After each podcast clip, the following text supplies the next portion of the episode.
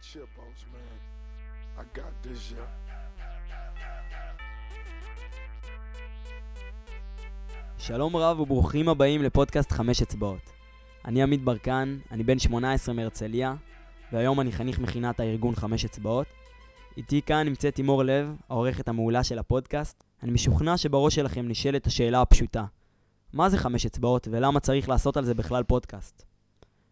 חמש אצבעות הוא מושג שאומר שצריך לעשות כל דבר בחיים בצורה הטובה ביותר האפשרית ובכל סיטואציה.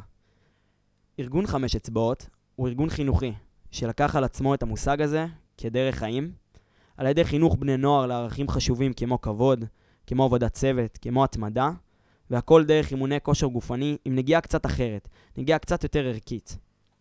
המטרה שלנו כאן בפודקאסט היא להציג את הערכים בהם עוסק ודוגל ארגון חמש אצבעות, בזוויות שונות ומגוונות, ובעיקר קצת לפתוח יותר את הראש איפה אנחנו יכולים להשתפר כבני אדם, בכל תחום ובכל מצב בחיים. בפרק הראשון דיברנו על מהות הארגון חמש אצבעות, ובפרק השני עסקנו במהפכת הפעילות הגופנית בעולם ובארץ במאה ה-21. היום אנחנו הולכים לעסוק במשמעות של ספורט לנפש האדם. לשם כך נמצאים איתי כאן היום שני אורחים. האורח הראשון הוא טל ליבשטיין. מה שלומך טל? תרצה להציג את עצמך בכמה מילים? אהלן עמית, קודם כל כיף להיות פה, שמח לקחת חלק בפודקאסט של חמש אצבעות, שמח שיש לנו את האפשרות לעשות את הדבר הזה. אז כמו שהצגת אותי, קוראים לי טל ליבשטיין, אני בן 29, אני גר בהרצליה היום. אה, בתקופת הילדות, גיל ההתבגרות, שיחקתי כדורסל, ואחד הדברים הכי מרכזיים שעניינו אותי בחיים זה איך אני שם את הכדור בתוך הטבעת, איך אני מפתח את עצמי, איך אני מפתח את הקבוצות שאני נמצא בהן.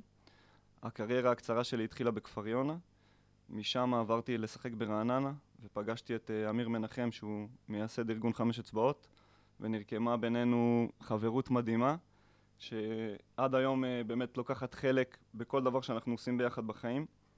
אחרי התקופה של הלימודים, שירתתי ביחידת אגוז שלוש שנים, תקופה שעיצבה אותי, תקופה שבאמת בנתה לי את האישיות. לאחר מכן עשיתי תואר בחינוך גופני, ובמקביל הצטרפתי לארגון חמש אצבעות. כיום אני נמצא בארגון uh, חמש שנים, בתפקיד של מוביל מוקד, שזה בעצם uh, מוביל אזור של uh, מספר קבוצות בחמש אצבעות, של ילדים מכיתה י' עד י"ב, ועושה את הדבר הכי מדהים ומספק שיכלתי לבחור בגיל 29. אני אתחיל את הדיון הזה בכך שבכל דבר אנחנו צריכים משמעות. בלקום בבוקר לאותה עבודה, בדייט עם החברה, בישיבה טובה עם חברים, בפעילות גופנית, בארוחת שישי עם המשפחה, בעצם בכל דבר. מבחינתי, בלי המשמעות הזאת, או הסיבה הזאת שאנחנו עושים דברים בחיים שלנו, החיים די עוברים לידינו, הם סתמיים, די חסרי תועלת לסביבה. אז uh, טל, רציתי לשאול אותך, מה זאת אומרת בשבילך משמעות? קודם כל, אה, אפשר לעשות פודקאסט שלם על אה, המילה משמעות, ואני לא פילוסוף, אבל אני כן, קצת מניסיוני הקצר, יכול להגיד שזה מתחלק לשניים מבחינתי. החלק הראשון זה הפן היותר אישי, זה לקום בבוקר בתחושה שאתה רוצה לטרוף את היום וללכת לישון בתחושה שלא הספקת לעשות כלום. אה, הדבר השני זה לחיות בסביבה שהיא תומכת, אבל היא גם דוחפת אותך, היא גם מאתגרת אותך. והדבר הנוסף זה ליהנות, מה, ליהנות מהיום ולחפש את האתגר. הרבה במציאות היומיומית אנחנו רוצים ליהנות ושיהיה לנו כיף, אבל אני חושב שחיים משמעותיים זה לחפש באמת את האתגר. והצד היותר אה, נרחב של זה, זה שאתה מייצר משמעות עבור אנשים. זאת אומרת שאתה תורם ושאתה רוצה להשפיע, וכשאתה נוגע באנשים ורואה כמה אתה יכול לתת להם, אתה מרגיש באמת אה, חיים של משמעות. והדבר האחרון זה להבין שאתה לא המרכז בעולם ושיש משהו יותר גדול ממך. כשאתה מרגיש שיש משהו שהוא יותר גדול ממך, אז uh, החיים שלך מלאים ומספקים, זו התחושה שלי לפחות. אוקיי, okay, תודה רבה טל. אני רוצה להציג עוד אורח שנמצא איתנו כאן היום. הוא בא באמת לעזור לכולנו להבין מה הקשר האמיתי בין ספורט לנפש. נמצא איתנו כאן היום ראש החוג לקידום בריאות באוניברסיטת תל אביב, דוקטור שחר לב-ארי. אז קודם כל, תודה רבה על ההזמנה לרעיון. כיף לי להיות פה, ואתה יכול לקרוא לי שחר. תרצה לספר קצת על עצמך? כן, אני עוסק אה, במחקר, ייעוץ והוראה בתחום של well-being וקידום בריאות. אני הקמתי את המעבדה לצמחי רפואה וניהלתי בעשור האחרון את המרכז לרפואה משלימה משולבת אה, בבית חולים איכילוב ואני היום משמש אה, כראש החוג לקידום בריאות בפקולטה לרפואה באוניברסיטת תל אביב. אחד מנושאי המחקר שלי המרכזיים בתחום של קידום בריאות זה קידום הבריאות הנפשית ובמסגרת זה החוסן ולפני כמה חודשים פגשתי את אמיר מנחם מייסד ארגון חמש אצבעות עם פרויקט שהוא מרתק בעיניי ואני מתחיל לחקור את הפרויקט הזה ואני אפרט אה, על המחקר בהמשך הרעיון. תודה רבה. אז אה, שחר, אותי מעניין איך בכלל הגעת בה, מההתחלה לחקור את התחום הזה של קידום בריאות. אז אני נמצא במערכת הבריאות כבר 20 שנה. המערכת הבריאות שלנו מטפלת בחולי, באדם החולה, יש לנו קופות חולים, יש לנו בתי חולים, כל תעשיית התרופות מתמקדת בתרופות למחלה. הבעיה היא כשאנשים חולים כבר קשה מאוד לטפל. בתפקיד שלי בשנים האחרונות כמנהל המרכז לרפואה משלימה משולבת ראיתי אלפי מטופלים שניסו לעשות שינויים בהרגלי הבריאות שלהם אבל היה להם כבר קשה בגלל שהמחלה קשה מאוד לטפל, קשה מאוד לעשות שינויים שאנחנו חולים. שלב קודם יותר שקיים בתוך המערכת הבריאות זה שלב המניעה. בשלב המניעה יש במחלה, אבל אנחנו מנסים לתפוס אותה בשלב הכמה שיותר מוקדם. אתם בטח שמעתם על כל בדיקות הסקר, קולונסקופיה, בדיקות של אולטרסאונד, מנסים למנוע מחלה, מחלה קיימת. הזמן הטוב ביותר והאפקטיבי יותר בלטפל בבריאות זה דווקא שאנחנו בריאים. זה דווקא באוכלוסייה הבריאה. וזה מה שאנחנו עושים בחינוך ובקידום בריאות. החל מגיל בית ספר וכלה באוכלוסייה הכללית. עכשיו, התחום הזה זה לא מושג חדש. בכתבים הקלאסיים, אה, הרופא הסיני ובעיניי אה, גם מקדם הבריאות המודרני, מתי הוא היה מקבל את המשכורת שלו, לדעתכם? מעניין, בסוף לא, השנה לא אולי? חשבתי על זה. רק לראות את התוצאות. הוא היה מקבל את המשכורת שלו פעם בחודש, זה מה שאנחנו קוראים עכשיו, מה שאנחנו קוראים משכורת עכשיו, כשהקוד עובד, עובד כמו שצריך, אבל הוא היה מקבל את המשכורת שלו שאנשי הכפר היו ברואים. כשאנשי הכפר התחילו להיות חולים, זה אומר שהוא לא דאג לבריאות שלהם. ולכן המשכורת שלו הייתה מקסימלית שהם היו בריאים, וכשאנשי הכפר התחילו להיות חולים, אז התחילו להוריד לו משכורת. זה אומר שהוא התרשל בתפקיד שלו. ובעיניי זה התפקיד של מערכת הבריאות. ובעשורים האחרונים באמת ארגון הבריאות העולמי הרחיב את מושג הבריאות, ולא מדובר רק בהיעדר מחלה, אלא מדובר במיצוי הפוטנציאל, גם הנפשי, גם הגופני וגם ההתפתחותי של האדם. עכשיו, איך אנחנו מקדמים uh, את הבריאות באוכלוסייה הבריאה? Uh, בקרב החל מגיל הנוער, מגיל בית ספר ועד האוכלוסייה הקשישה, ואיזה כלים יש לנו, כלים מבוססי מדע לקדם את הבריאות, בזה עוסק תחום קידום הבריאות. איך לתת לאנשים שליטה טובה יותר על הבריאות שלהם. עסקת פה קצת בנושא של הקידום הבריאות בא גם דרך הקידום הנפשי וגם דרך הקידום הגופני. מעניין אותי קצת בעניין מחקרי. איפה קיים הקשר הזה? איפה אני יכול לראות את זה בעיניים שלי כעמית בן 18 מהרצליה, שאם עכשיו אני אתאמן יותר, אני אהיה בריא יותר בלב שלי, ולא רק uh, הרגליים שלי יהיו חזקות יותר.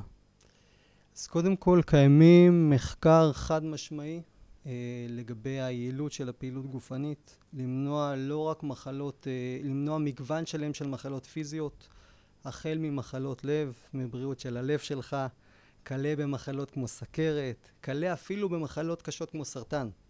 זה היום ידוע במחקרים אה, מאוד גדולים, מאוד מבוססים, אה, וגם כמובן אה, הבריאות הנפשית. יש קשר הדוק מאוד בין אה, הבריאות הנפשית לבין הפעילות הגופנית, ואפילו משרד הבריאות אה, הוציא מה שנקרא, אה, יש היום מרשם לפעילות גופנית, כלומר פעילות גופנית היא כמו תרופה. ואני תכף ארחיב על זה, יש אה, מחקרים מראים, כן, שזה מרשם לפעילות גופנית, זה אפילו יעיל יותר בחלק מהמצבים מכל התרופות שקיימות היום. גם הרמב"ם אמר לפני מאות שנים שפעילות גופנית גורמת לנפש להיות בריאה יותר.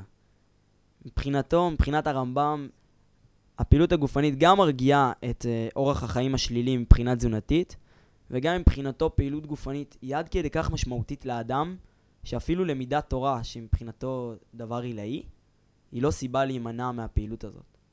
אז מה התחדש? בעצם, אם כבר לפני המון המון שנים ידעו את זה. אז קודם כל זה נכון, ברפואה היהודית דיברו על זה, וגם uh, למשל באימפריות כמו האימפריה היוונית, הם קידשו את הפעילות הגופנית, זה היה אחד ממוקדי הכוח שלהם, אבל למעשה יש כמה חידושים מרכזיים בדור האחרון. קודם כל, תורות האימון הפכו הרבה יותר מדויקות, ועל זה דיברו ברעיונות הקודמים, בוודאי יורם מנחם, על איך אפשר לעשות את תורת האימון שהיא הרבה יותר מדייקת והרבה יותר יעילה וטובה מאשר היה בעבר. הדבר השני זה המחקר המדעי. מה שפעם היה בגדר אינטואיציה, בגדר השערה, היום המחקר המדעי מראה את זה בצורה חד משמעית שיש יעילות לפעילות הגופנית ולמשל אחד המחקרים, ה... יש מחקר, אחד המחקרים הגדולים ביותר שהיו אי פעם זה מחקר אחיות. מאה אלף אחיות והראו מה גורם, אה, בדקו אותם לאורך הרבה מאוד שנים ורואים מה מונע תחלואה, אפילו מחלות קשות כמו סרטן והראו שמי שמתאמן פעילות גופנית 150 אה, דקות וזאת באמת ההנחיה זה יכול למנוע מחלות קשות, היווצרות של מחלות קשות ב-50 אחוז. אין היום תרופות שיכולות להוריד את, ה, אה, את הרעות של מחלות באחוזים האלה ולכן 150 דקות בשבוע נכון? 150 דקות בשבוע זה המרשם זה מה ש... שזה מעט מאוד שזה מעט כן זה מעט מאוד כן, ועדיין אנחנו יודעים שבחברות המערביות אה, לא כולם עושים את זה, והנתונים מראים שדווקא אחוזי השמנה הם מאוד גבוהים במדינות המערב, כולל בישראל וכולל אנשים שלא עושים פעילות גופנית, אלא בעיקר עושים פעילות גופנית לאצבעות מול המסכים, ולכן יש בזה הרבה מאוד חשיבות. אני רק אוסיף שבתור מי שנמצא הרבה בשטח ומנסה לעשות את הקשר הזה של בין הגוף לנפש, הרבה פעמים אנחנו רואים שבעצם המתאמן יכול לסמן לך סימני, אה, נקרא לזה מצוקה, דרך התנועה שלו.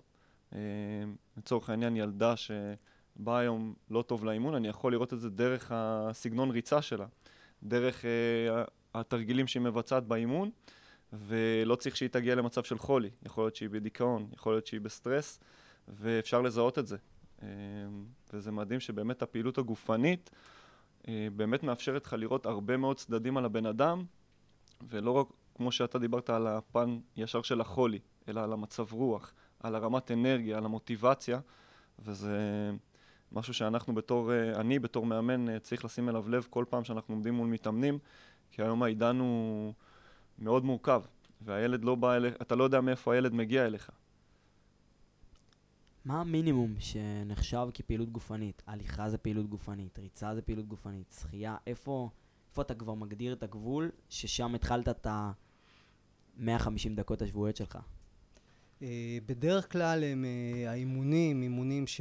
האימונים שכללו ברוב המחקרים זה אימונים של uh, הליכה עם העלאת דופק, יש הרבה מאוד מחקרים על ריצה, מחקרים על אופניים, מחקרים על, ה, אה, על, פעילות, ש, אה, על, על פעילות גופנית לסוגיה השונים אה, וזה לא כך משנה איזה פעילות גופנית, אחד הדברים החשובים זה לעשות מה שאדם אוהב. כי זה מה שמחזיק מעמד לאור, לאור זמן. אחד המוטואים המרכזיים שלנו בקידום בריאות זה להפוך את הבחירה הבריאה לבחירה הקלה. והדבר השני זה כמובן לאור זמן. הראו שפעילות גופנית זה דבר, ההשפעות שלו המיטביות זה בעיקר כמו תזונה, אה, זה בעיקר לאורך זמן. כשאנחנו נכנסים ועושים את זה לאורך זמן, אז אנחנו רואים את אה, מירב ההשפעה.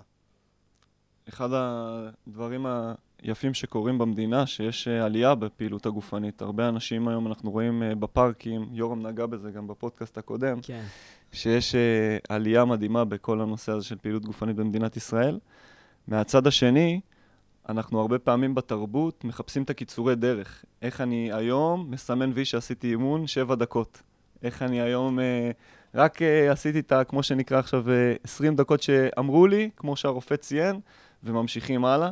ואנחנו מנסים לחנך לאורח חיים בריא, שזה אומר בן אדם שחי את הפעילות הגופנית לא כי הוא צריך, אלא כי הוא מרגיש שזה חלק מהבריאות שלו. באמת לחנך לאורח חיים הזה. שחר, נגעת פה במשהו שהוא מאוד מאוד משמעותי לפרק הזה. מה שהבן אדם אוהב. השאלה היא מאוד פשוטה. האם יש קשר בין חיפוש המשמעות הזאת בחיים ולמצוא אותה, ולמצוא סיבה למה אני קם בבוקר, לבריאות הפיזית שלי. יש איזה מחקר שמתקף את זה? אז קודם כל משמעות והגשמה עצמית זה אחד מהנושאים החשובים בתוך קידום הבריאות, או בפן הנפשי של הקידום הבריאות. אה, ובתוך זה אחד הגיבורים בעיניי, והספרים שבעיניי אולי הוא ספר שכל אחד ראוי שיקרא, זה הספר של ויקטור פרנקל, האדם מחפש משמעות. ספר שממש אה, שערותיי סמרו כשקראתי את זה בפעם הראשונה, אני זוכר שזה היה פחות או יותר אה, בגיל שלך. וויקטור פרנקל מספר איך שאחד הקטעים בספר, שלקחו ממנו הכל, לקחו ממנו את, ה, את כל רכושו, לקחו ממנו את בגדיו, לקחו ממנו את משפחתו, והוא אמר, אפילו לקחו ממנו הדבר כמעט הכי חשוב, זה הוא אמר, רק שלא ייקחו ממני את הכתב יד, יש לי את הספר על המשמעות, הספר שהכתב עת המדעי שאני רוצה להוציא, והוא התכונן שלא ייקחו את זה ממנו. וכמובן שלקחו גם את זה ממנו. ואז כשהוא לובש את המכנסיים, מה שנתנו לו במחנה, הוא ככה מוצא את, ה, את, ה, את הכתב, את הדף של שמע ישראל, והוא מבין שמשימת חייו היא לא לכתוב את החיבור המדעי על המשמעות, אלא משימת חייו זה לחיות את המשמעות, ואפילו לחיות את המשמעות בתנאים קיצוניים כמו מחנה ריכוז, שזה בעיניי מרגש, שאפשר למצוא משמעות בכל דבר. והוא, יש כאלה שמייחסים שהוא בעצם אבי הלוגותרפיה, לוגוס זה משמעות, או טיפול דרך משמעות, כשהמקום שלו הוא, ההבנה היא שאדם, וזה מה שוויקטור פרנקל מדבר עליו, ההבנה, האדם הוא חופשי, הוא חופשי לבחור. ואחד הדברים המרכזיים שאדם מחפש זה משמעות. וזה יותר חשוב מאשר החיפוש אחרי הנאה, או החיפוש אחרי כוח, אלא זה חלק מאוד משמעותי. במערכת הרפואה, גם ברפואה פיזית, איזה שאלות אנחנו שואלים כשמגיע מישהו שהוא חולה? מה המחלה? מה גרם למחלה? ושאלה שלישית, איך אני יכול לתקן? ואותו דבר גם בבריאות הנפש, אותן שאלות, מה המחלה, מה גרם למחלה ואיך אפשר לתקן. בתוך העולם שלנו של קידום בריאות, או מה שנקרא סלוטוגנזה, איך אני עוצר את הבריאות, אנחנו היינו שואלים שאלה אחת את מי שהגיע אלינו. מה היינו שואלים אותם? מה המניע שלכם? מה מעניין אתכם? מה אתם אוהבים בחיים? בדיוק. מה עובד לכם בחיים? זאת הייתה השאלה המרכזית. מה עובד לכם בחיים? עכשיו, אנשים שהיו, היינו עובדים איתם, היה לוקח להם הרבה זמן עד שהם היו מוצאים את זה. לא מדובר בתשובות הלקוניות, אה, משפחה, עבודה, אלא באמת, מה השיר שלך? מה הניגון שלך? מה הניגון הייחודי שלך? וזה יכול להיות דברים מאוד קטנים. זה יכול להיות אה, להתאמן אותו רגע שאני בוחר את האומנות לחימה מבחינתי, זה להתאמן באומנות לחיבה, זה הטייצ'י אייקידו, זה יכול להיות הטיול המשפחתי שאני יוצא איתו, זה יכול להיות ההליכה לקניון עם סבתא, זה יכול להיות לצאת עם הכלבה שלי החוצה, לצאת עם הכלבה שלנו לטיול, זה איזה דברים גורמים לך לזסט בחיים, זה הרגעים הקטנים שגורמים לך לזסט, וזה יכול להיות גם הדברים המשמעותיים, המקצוע שלך, אחד הסיפורים המרגשים, אני הקמתי לפני אה, כ-15 שנה את אה, נקודת מפנה, שזו תוכנית יחד, היה לי מחקר על שורדי סרטן עם מהלך מחלה יוצא דופן, אנשים ששרדו כנגד כל הסיכויים, כל האונקולוגים שלהם אמרו אין לכם סיכוי, הקמתי עם זה ויקי לפלמן, מישהי ששני אונקולוגים אמרו לה אין לך סיכוי לשרוד, עברו 30 שנה, האונקולוגים כבר לא פה, היא עדיין פה. וראיתי מה, מה, מה שעניין אותי זה מה גורם להם, מה מאפיין, זה כמו האוכלוסייה הזאתי של מה, אה, של אנשים שהגיעו מעל לגיל 100, מה גרם להם, איזה נקודות, עכשיו שוב צריך להבין זה מגבלה, זה לא מחקר כמותי גלול, אבל כן אפשר ללמוד מהקבוצות האלה. ואחד הדברים כשאנחנו העברנו את הקבוצה ביחד על אנשים שהם חולים מחלות שונות, מחלת סרטן, מחלימים, חולים מחלות אחרות אחד המטופלות שריגשו אותי הייתה ענת, זה היה מישהי שבעלה נפטר עם ילדה בבית ואחרי זמן קצר פיתחה מחלה קשה, פיתחה סרטן. וכששאלנו אותה מה עובד לך בחיים? במשך שבועות לא הייתה לה תשובה. ואז פתאום יום אחד היא חוזרת ויש לה משהו אחר בעיניים והיא מספרת שהיא זרקה את כל הדברים הישנים מהמרפסת, את כל הגרוטאות של בעלה והיא שמה שבתוך זה פרחים ועציצים ואמרה עכשיו אני מביאה אור ואני מביאה חיים לבית גם בשבילי וגם בשביל הבת שלי. ואחרי עוד כמה שבועות והיא שינתה גם את המקצוע שלה וזה בעצם פה, על זה מדובר, על המשמעות, גם במובן האישי, וגם אני מאוד אוהב אה, מה שאתה אמרת, גם לקום בבוקר, לראות איך אני יכול לטרוף את היום, ובלילה לבוא ולהגיד, וואו, עשיתי כל כך מעט, יש לי עוד כל כך הרבה דברים לעשות, ויש בו גם מובן את המימד הקהילתי החברתי לעשות משהו שהוא גדול ממך. לעשות משהו שהוא יותר משמעותי ממך, לעשות, לתת, לעשות משהו שהוא גדול יותר, אה, ו- וזה בעיניי אחד הדברים המרכזיים, זה מה שאנחנו בודקים. אתם מרגישים שנניח ספורטאים בקבוצת ספורט מקצוענית, שמתאמנת כמות פעמים גדולה בשבוע, שהם חיים אחד את השני, הם מתפרנסים מהספורט יום-יום בתוך זה. הם יהיו בריאים יותר נפשית מאדם פשוט שרץ פעמיים בשבוע לכיף שלו. אז יש הבדל גדול אה, בין פעילות גופנית מומלצת אה, לקידום בריאות לבין מה שנקרא ספורט הישגי או ספורט אה, תחרותי. יש את הסיפור הידוע של פפי די פפדס היווני, אני מקווה שאני מבטא את שמו נכון, אם לא אה, איתך, סליחה, שרץ ממרתון לאתונה אה, ב-490 לפני הספירה, אה, זה להכריז על ניצחון של היוונים על הפרסים, וכשהוא מגיע לשם והוא מכריז על הניצחון, מיד אחרי זה הוא נופל ומת. בעקבותיו אה, נקבע באמת המרתון הראשון, ריצת ה-42 קילומטר, שאנחנו רוצים אותה עד היום. פעילות גופנית מאוד מוקצנת אה, שמעמיסה על הגוף אה, הרבה יותר ממה שהוא מסוגל, למשל ריצת מרתון אחרי ימי לחימה ארוכים זה דבר שהוא בהחלט לא מומלץ וזה דבר שיכול לקבוע, לגרום לפציעות, לגרום לפגיעה בגוף. אה, מבחינה מדעית אחד המחקרים המעניינים זה מחקר שפורסם בעיתון היוקרתי הבריטיש מדיקל ג'ורנל הוא עקב אחרי עשרת אלפים ספורטאים אולימפיים והוא השווה את הבריאות שלהם אה, יחסית לאוכלוסייה אה, כללית ומה שהוא מצא זה שהתועלת שאנחנו יש למי שהם אתלטים אה, רגילים שעושים את המאה חמישים דקות בשבוע אנשים שמתאמנים באופן קבוע זה שהם ספורטאים אולימפיים לא תורם להם לבריאות לטווח הארוך.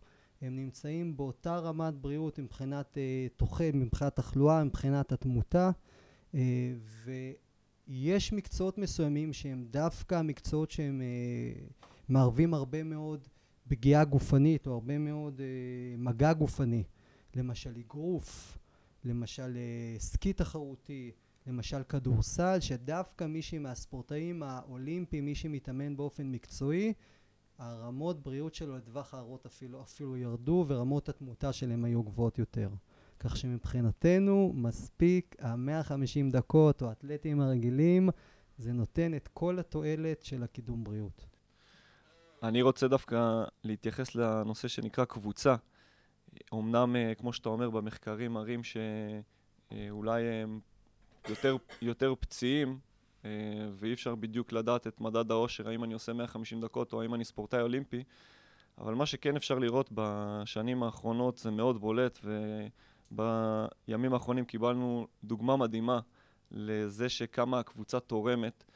אה, אליוט קיפצ'וגה, אה, ספורטאי ברמות הגבוהות בעולם, שבר את תקרת הזכוכית ו- וירד משעתיים במרתון, שהוא עשה שעה 59 ו-40 שניות, שיא עולם מטורף, שבאמת נותן להרבה אנשים תקווה, והרבה אנשים שאולי בשנים הקרובות נראה אותם יורדים את הזמן הזה, אבל העיקר בכל הסיפור הזה שהוא בסוף התאמן כקבוצה, בסוף עבד עם אנשים, שאני חושב שעצם. אנחנו הרבה פעמים מדברים על דרך, שעצם הדרך שהוא עובד עם אנשים,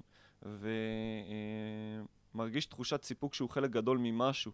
ונכון, ההישג האישי הוא בסוף שלו ורשום ברקורד אה, אליוט קיפצ'וגה, אבל הוא בעצמו אמר ויודע שבלעדי האנשים שהוא עובד, אה, הוא לא יכול להגיע למקומות שהוא הגיע.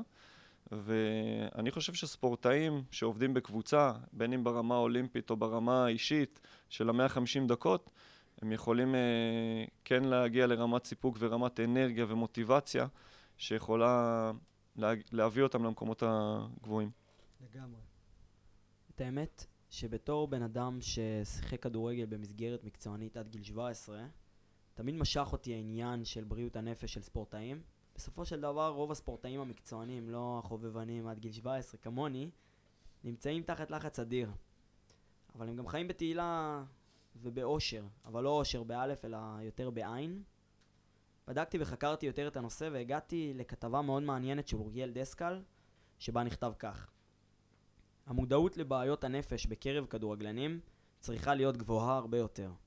מחקר של איגוד שחקני הכדורגל הבינלאומי, פיפא פרו, מצביע על כך שתסמינים של בעיות נפשיות שכיחים יותר בקרב שחקני כדורגל בהווה ובעבר, מאשר בקרב האוכלוסייה הכללית.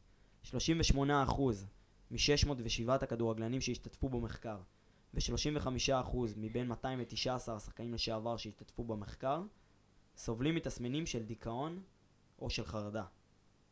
שחר, לאחר שהצגתי לך את הנתונים האלה, איפה אתה רואה שהספורט יכול גם לפגוע בנפש? קודם כל ספורט הישגי ומה שדיברת על שחקני כדורגל אז אין ספק שהמתח או הסטרס יחד. והתחרותיות הגבוהה ועוד הסיקור הטלוויזיונים שכל הזמן צריכים להצטיין והם פספסו ועשו פשלה אני זוכר עוד uh, את, uh, אולי אתה בטח מכיר יותר טוב ממני, את רוני, רוני רוזנטל למשל, שפספס מול שער ריק, וכולם מצלמים אותך, וזה דבר שחוזר, זה יוצר מתח וסטרס מאוד גדול. וזה דבר, עכשיו הסטרס הזה והמתח הוא לא מייחד רק את מקצוע של שחקני כדורגל. אומרים שהסנדלר הולך יחף. סקר שפורסם בשנה האחרונה במערכת הבריאות הראה שהרופאים אה, בישראל סובלים מנתוני שחיקה וסטרס מאוד מאוד מאוד גבוהים והסטרס, הנתוני אפילו ביטוח הלאומי הראו שהגורם מספר אחד לחוסר תפקוד בעבודה זה על רקע נפשי. אז איך מתמודדים עם הסטרס הזה? אחד הדברים המרכזיים בעיניי זה למצוא את הסודות בחיים, זה למצוא את המינון הנכון. אנחנו יודעים שכולסטרול, בלי כולסטרול אנחנו לא יכולים לחיות. התאים שלנו זקוקים, זקוקים לכולסטרול, אבל כולסטרול ברמה גבוהה זה דבר שגורם למחלות לב, זה דבר שגורם לתמותה. ולכן אם אני חוזר, בשאלה הקודמת דיברת על הרמב"ם, אז הרמב"ם דיבר על שביל הזהב, הזהב ועל דרך האמצע, ולא רק בפעילות הגופנית אלא גם בהיבט הנפשי.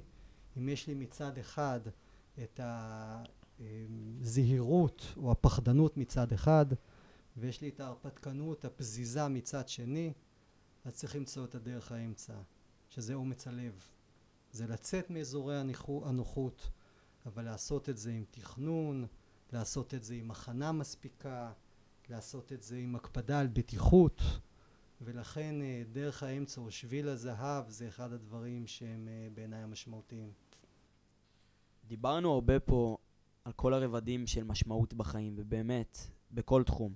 בין אם זה הרמב"ם, בין אם זה פפי פפטידס, שיסלח לי על זה שאני מעוות את השם שלו, בין אם זה אליוד קיפצ'וגה. אותי מעניין דבר נוסף, איפה אנחנו מוצאים ארגונים כמו חמש אצבעות, שמקדשים דרך. טוב, אני חושב שיש צורך uh, גדול לבני הנוער ובתי הספר לתוכניות מהסוג הזה.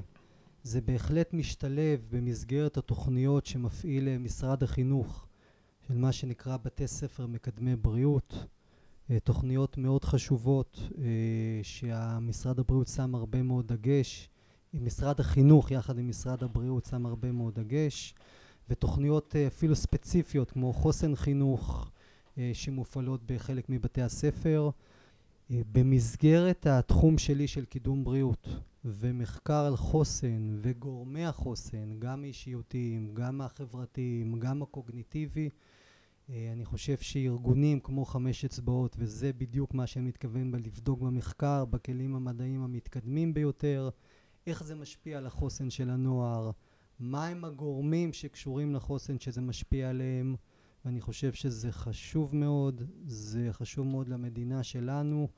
וזה, אני מתרגש ושמח להיות מעורב בפרויקט ומחקר מהסוג הזה. אני אגע ב... בצד השני של השאלה, באיפה זה יכול להתממש. אמ, ואני חושב שיש משפט כזה שאומר, זה לא משנה לאיזה מסגרת שלחת את הילד שלך, השאלה איזה דמות הוא פגש. וזה יכול להיות בבית ספר, זה יכול להיות במסגרת של הכדורסל, זה יכול להיות בצבא, איזה מפקד הוא פגש. והדמויות שהילד יפגוש במהלך החיים, הם הדמויות שיכולות לעזור לו לממש את הפוטנציאל הזה ולבנות את החוסן ששחר דיבר עליו עכשיו. הדבר השני זה, בוא נהיה אנשים שעושים, בוא נהיה אנשים פרקטיים, בוא נהיה אנשים שעובדים בשטח. אה, לא שאני סותר פה את כל מה ששחר אה, נותן על הצד המדעי והמחקרי, שזה סופר חשוב, אבל אני חושב שאנחנו צריכים להיות גם אנשים של עשייה, ורק אחר כך נוכל לדבר על משמעות, כי משמעות באה דרך הידיים, דרך הרגליים, ככה לפחות אני למדתי. והדבר האחרון זה הנושא של סביבה. אה, סביבה שהיא פתוחה, סביבה שהיא כנה, סביבה שהיא פחות צינית. זה משהו שאנחנו מנסים לייצר אצלנו בקבוצות בחמש אצבעות, כי במקום שאין ציניות ויש פתיחות, אז uh, באמת כל אחד יכול למקסם את עצמו, כמו שנגעתי בשאלה הקודמת, דרך הקבוצה, והסביבה הזאת יכולה להעיף כל אחד uh, קדימה. בשנים האחרונות אני חיפשתי uh, ואני מחפש ארגונים שערכי הליבה שלהם זה לשים את הילד במרכז uh, ולממש את הפוטנציאל שלו. ואני חושב שארגונים כאלה, שזה הערך המרכזי שלהם, יש להם חשיבות רבה יותר, וזה לא רק הידע שאנחנו מקנים לילדים במסגרות החינוך, בבתי הספר, אלא מימוש הפוטנציאל, אה, כמו שאתה אומר, טל, גם במובן בפועל בעולם, מימוש הפוטנציאל דרך הפעילות הגופנית, דרך האימון הקבוצתי, דרך החינוך. אחד הדברים ששמעתי הם אה, עקרונות כמו חמש דקות לעזור למישהו אחר, עקרונות מהסוג הזה, זה לא דבר נפוץ היום ב... אה, חמש דקות ביום בתרבות. לעזור לבן אדם אחר או לתת בשביל מישהו. כל יום זה כן, זה חלק מהדברים שאנחנו מנסים להעביר. וזה מה שמשך אותי, ולכן אני מתכוון לבדוק בכלים המדעיים המתקדמים ביותר, האם ארגון כמו חמש אצבעות תורם לחוסן של הילדים ותורם לגורמי החוסן, גם אישיותיים, גם הקוגניטיביים, גם החברתיים, ואני אה, מקווה שאני אדווח לכם, אני מקווה שבאחד הפוסטקאנים הבאים, שאנחנו כבר נבצע את המחקר ואנחנו נסיים את המחקר, אז אני אוכל אה, לספר לכם דברים חדשים ותובנות חדשות. אין לי ספק שעבודה דרך השטח ועבודה דרך המדע יוכל אה, לספק לשנינו באמת את הדברים הנכונים, ונוכל להפרות פה בהמשך גם אותנו וגם את הבני נוער הבאים שיקחו פה את ההובלה. וזה בדיוק מה שאנחנו עושים בקידום בריאות. אנחנו יורדים ממגדל השן אל השטח, ואנחנו בודקים עם הכלים המדעיים, שלא היה אז בתקופת הרמב"ם, אנחנו בודקים באמת עד כמה זה תורם, ויותר מנסים לאפיין מה. מה בעצם הגורמים שזה תורם? האם זה בעצם מימוש הפוטנציאל? האם מדובר על ביטחון עצמי? האם מדובר על בנייה של מסוגלות עצמית? האם זה החלק החברתי? זה דברים שאני מתכוון לשים את האצבע ולבדוק אותם במסגרת המחקר המדעי.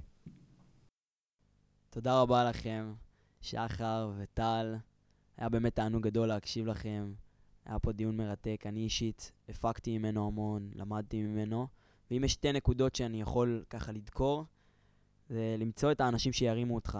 החוזקה של קבוצה, דרך במיוחד הסיפור של אליוד קיפצ'וגה שטל נגע בו, והדבר השני זה דרך האמצע של הרמב"ם, למצוא את האיזון. בימים מיוחדים כמו אלה, ימי חגי תשרי, ולאחר עשרת ימי התשובה, יש לכל אחד מאיתנו בצורה כזאת או אחרת חשבון נפש או הסתכלות אישית, ואני באמת מאמין שחיפוש המשמעות בחיים שלנו, בדגש על הימים האלה, מביא הרבה אור לשנה החדשה של כל אחד מאיתנו. משמעות, זה הסוד בחיים מבחינתי. ברגע שנמצא את הסיבה לדברים שאנחנו עושים ולא נשכח אותה לרגע, נוכל להגיע הכי רחוק שאפשר, ובאמת בכל תחום. אני רוצה להודות לכם, המאזינים שלנו. באמת, לא מובנת מאליה ההקשבה שלכם פרק אחרי פרק. זה מרגש אותי, אני בטוח שזה מרגש את שאר חברי הצוות. אם אתם מרגישים שהפקתם איזשהו ערך מהפודקאסט, גם אם הכי קטן שקיים, תשמיעו לאח, לאחות, לחבר, לחברה, לאימא, לאבא, לדוד, לדודה, לשכן, באמת, כל מה שעולה לכם בראש. ויכול להיות שגם אצלם יהיה איזה מין חיפוש משמעות כזה. חבר'ה, אתם יכולים למצוא אותנו ביוטיוב, באפל פודקאסט ובספוטיפיי על ידי כתיבה פשוטה של חמש אצבעות. אני הייתי עמית ברקן, וזהו סוף הפרק השלישי של פודקאסט חמש אצבעות. תודה רבה על ההקשבה, ושנה מוצלחת לכולנו. I got this, yeah.